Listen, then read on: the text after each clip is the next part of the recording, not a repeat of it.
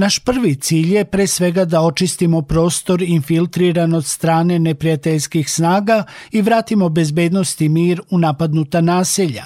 Drugi cilj je da se neprijatelj natera da plati ogromnu cenu za napade. Treći cilj je da se učvrste druge arene kako niko ne bi napravio grešku i uključio se u ovaj rat. Ovako je izraelski premijer Benjamin Netanjahu u svom prvom obraćanju javnosti nakon napada palestinskog Hamasa na grad Ofakim i kibuc Beri na jugu zemlje okarakterisao ratne ciljeve Izraela – Obećao je da će iste noći iskoristiti svu moć izraelskih odbrambenih snaga da uništi Hamas. Hamas je započeo okrutni i zli rat, napadajući nevine civile, mlade i stare. Ono što se danas dogodilo nikada ranije nije viđeno u Izraelu. I ja ću se pobrinuti da se to više nikada ne ponovi. Izraelske odbrambene snage će odmah upotrebiti svu svoju moć da uništi Hamas, a ovaj crni dan će biti osvećen. Izrael će svuda gađati Hamas, pretvarajući mesta na kojima se skriva i deluje u gradove ruševina.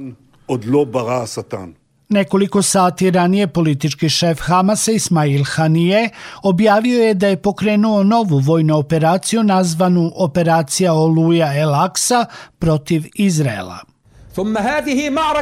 Naš hrabri i vredni palestinski narod, oni koji oslobađaju svet, palestinski otpor u ovim istorijskim trenucima je angažovan u herojskoj borbi za džamiju El Aksa, naša sveta mesta i naše zatvorenike. Hiljade fašističkih i kriminalnih doseljenika oskrnavilo je svetište proroka Muhameda i tamo obavljalo svoje molitve kako bi nametnulo suverenitet nad tim područjem.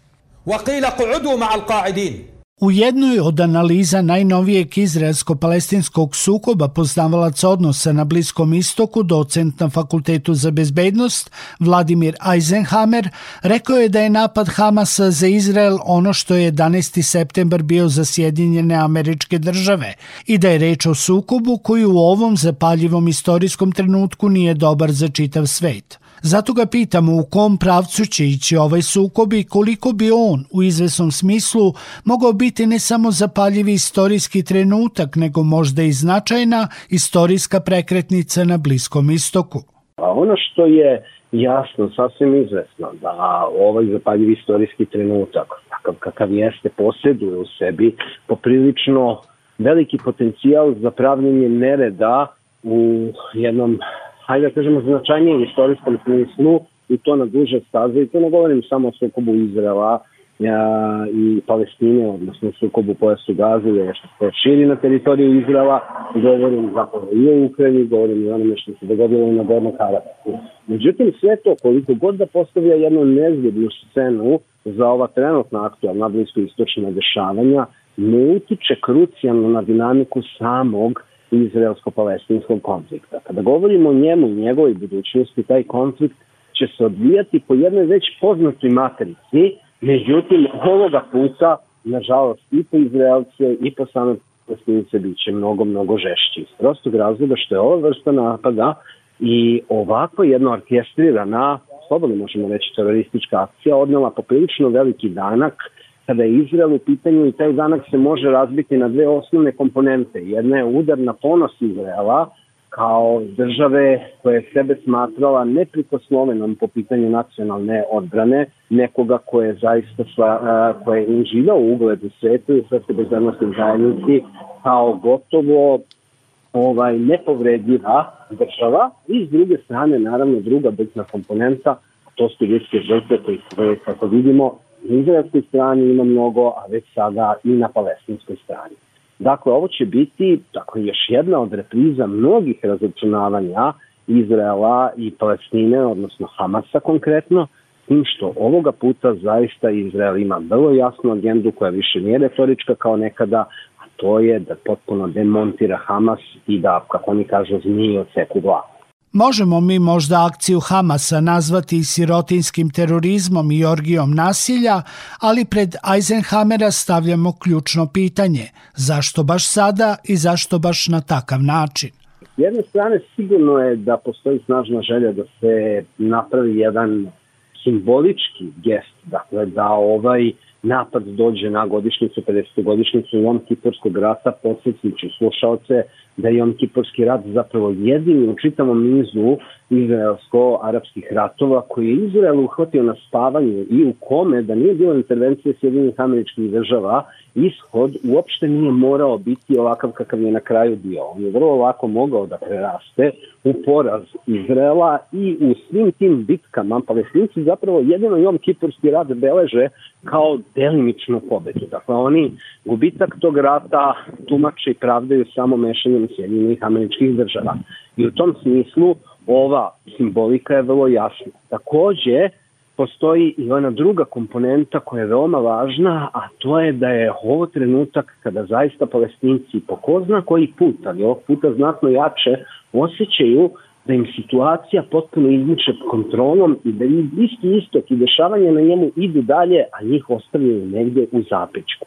Bolna istina je da kada analiziramo dakle, odnose Palestine i drugih arapskih država, pogotovo u kontekstu sukoba sa Izraelom, osim brojnih deklarativnih i donekle finansijske pomoći, u svakom krucijalnom momentu arapske države su zapravo ostavile na cedonu Palestinu.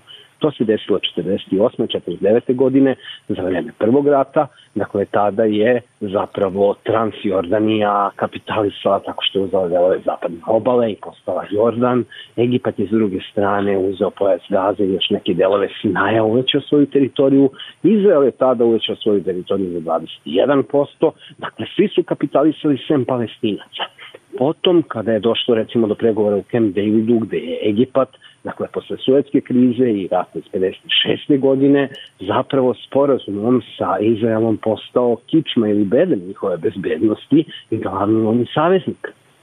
Još jedna velika izdaja i sada na kraju imamo Avramovske akorde koji su zapravo zahvaljujući Trumpu i Gerardu Kushneru uspeli da učine ono što je na izgled dugo vremena bilo nemoguće, a to je da se izmire arapski bogati klub, dakle Saudijska Arabija, Emirati, dakle Bahrein sa Izraelom, što bi predstavljao jednu potpuno novu trajektoriju dakle, odnosa. Naravno, Saudijska Arabija još uvek nije formalno to učinila, ali jasno je da je ona konačna meta i država koja stoji iza ovog a, procesa i glavni budući partner. Ukoliko se to desi, palestinci zaista ostaju samo uz konkretnu pomoć Hizbolaha u regionu i Irana sa druge strane Persijskog zaliva, što zapravo nije konkretna pomoć, nije potrebna pomoć Arapa, a bojim se da su tokovi u takozvanoj Arapskoj ulici krenuli potpuno drugim tokom i da se sada ovaj pokušaj okretanja jednog onako ovaj, za 180 stepeni ovaj, okretanja ne može desiti i otuda ovakva brutalnost napada i ovako gnusan teroristički napad koji zaista više nema veze ni sa onima što su činili prvo nekada kada su kidnapovali avione Boeinge, dakle po Evropi 70-ih, 80-ih godina i po svetu kada su na taj način skretili pažnju na, na, na sebe, nema veze ni sa intipadama. Ovo je jednostavno teroristički napad koji je počinjen po istom onom modelu po kome je ISIS lovio ljude, dakle po Evropi tamo 2015. 16. godine po Parizu. Ono što svakako jeste jedna od dilema u novonastalim konstelacijama na Bliskom istoku je ta kako će se ponašati Iran, čiji je odnos prema zapadu Eisenhower svojevremeno definisao kao nešto između lošeg momka i dobre udavače, na što on odgovara. Da, ostajem jednostavno pri, to, pri toj definiciji Iran u drugačijoj konstelaciji snaga, pogotovo unutar političkoj, bi zapravo bio sjajan partner Zapada po mnogo čemu, ali Trump je sa svojom politikom povlačenja Sjedinjenih američkih država iz nuklearnih nuklearnog sporozama sa Iranom, taj proces vratio nekoliko koraka unazad i to je učinio upravo zbog Izraela pre svega. Dakle, u tom smislu, ako posmatramo odnos Irana i Hamasa, Iran ima svoje računice u ovom regionu i on je možda jedina država koja od ovoga može imati neke benefite. Svi ostali ne, nemaju je čak ni Kina, ni Rusija, kako je god spekulacije ovako opšte da se postavljaju. Dakle, u ovom trenutku ovako zapaljen Bliski istok i eventualna eskalacija ovog, ovog konflikta nije nešto što bi bilo na korist jednom od velikih igrača. Kina i Rusija postepeno u stabilnom delu dakle arapskog sveta, arapskog poluostrova, uspostavljaju sve veće uporište i stiče sve veću količinu moći, što financijske, što političke. I jedan rat koji bi zapalio region nikako ne bi išao u korist. Znači ove, ove već zacrtane strategije. S druge strane, Sjedinje američke države takođe ovim imaju mnogo što da izgube, dakle one na izvestan način iz duže vreme pokušavaju da održe tu status quo ravnotežu moći u svetu i upravo miran bliski istok sa kako se one dobrano povukle jeste opet jako bitna da kažemo, jako bitan osnovac da taj status quo funkcioniše. Dakle, u ovom trenutku iz različitih potpuno razloka ključni svetski igrači nemaju interes da Bliski istok gori kako bi goreo, pogotovo ne u trenutku onoga što se dešava u Ukrajini. S druge strane, ako posmatramo iz vizure Izraela, ovo je možda zaista jedan pravi istorijski trenutak da se Izrael upusti u sukob sa Hamasom, jer je svet, pažnja sveta podeljena na više radisnih tačaka koje su podjednako turbulentne, odnose podjednaki broj žrtvi, tako da se bojim da je u tom kontekstu sukob koji nam sada sledi, kome ćemo prisustovati narednih dana, zaista neće biti sukob koji će biti prijatan za gledanje, bojim se da će nositi sa sobom civilne žrtve sa obe strane, bojim se da će pojas Gaza zaista stradati i da ta bitka za uništenje Hamasa može sa sobom povući veliki broj nevinih civilnih žrtava, kažem, što je što palestinaca, ali i izraelaca. Sudeći po odgovorima Eisenhower je očito optimista da nije realno očekivati da će ovaj sukob biti proširen na veći prostor Levanta, ali ga zato iz radoznalosti pitamo koliko je ovaj sukob dobrodošao kako bi se pažnja odvukla sa nekih drugih žarišta u turbulentnom globalnom geopolitičkom prostoru.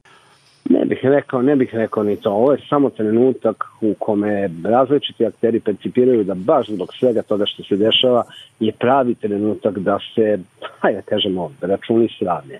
Ponavljam, Hamas je zaključio da u ovom trenutku sa svim tim što se dešava u svetu plus Avramovskim akordima jednostavno palestinsko pitanje koje je već toliko dugo u drugom planu jako dugo. Mislim, samo ću vas podsjetiti, nekad je, evo, akademska zajednica koju ja pripadam, gorela od intelektualaca kakvi su bili Edward Said, Tarik Ramadan, John Esposito, koji su branili palestinca, otvoreno agitovali za njih. To su bilo imena svetskog kalibra. Toga, toga više nema. S druge strane, na praktičnom planu Harapi žele da razvijaju svoje ekonomije, žele da se okrenu dakle, prosperitetu, da vode rat ekonomski i sa Sjedinjenim američkim državama i sa sadašnjim partnerima, ali potencijalnim takođe neprijateljima u ekonomskom smislu ili konkurentima Kinom, Rusijom, da se opet to koriste od svih njih, da bi vodili takve ekonomski i političke malverzacije, ono treba stabilno okruženje, ne treba vam pakao.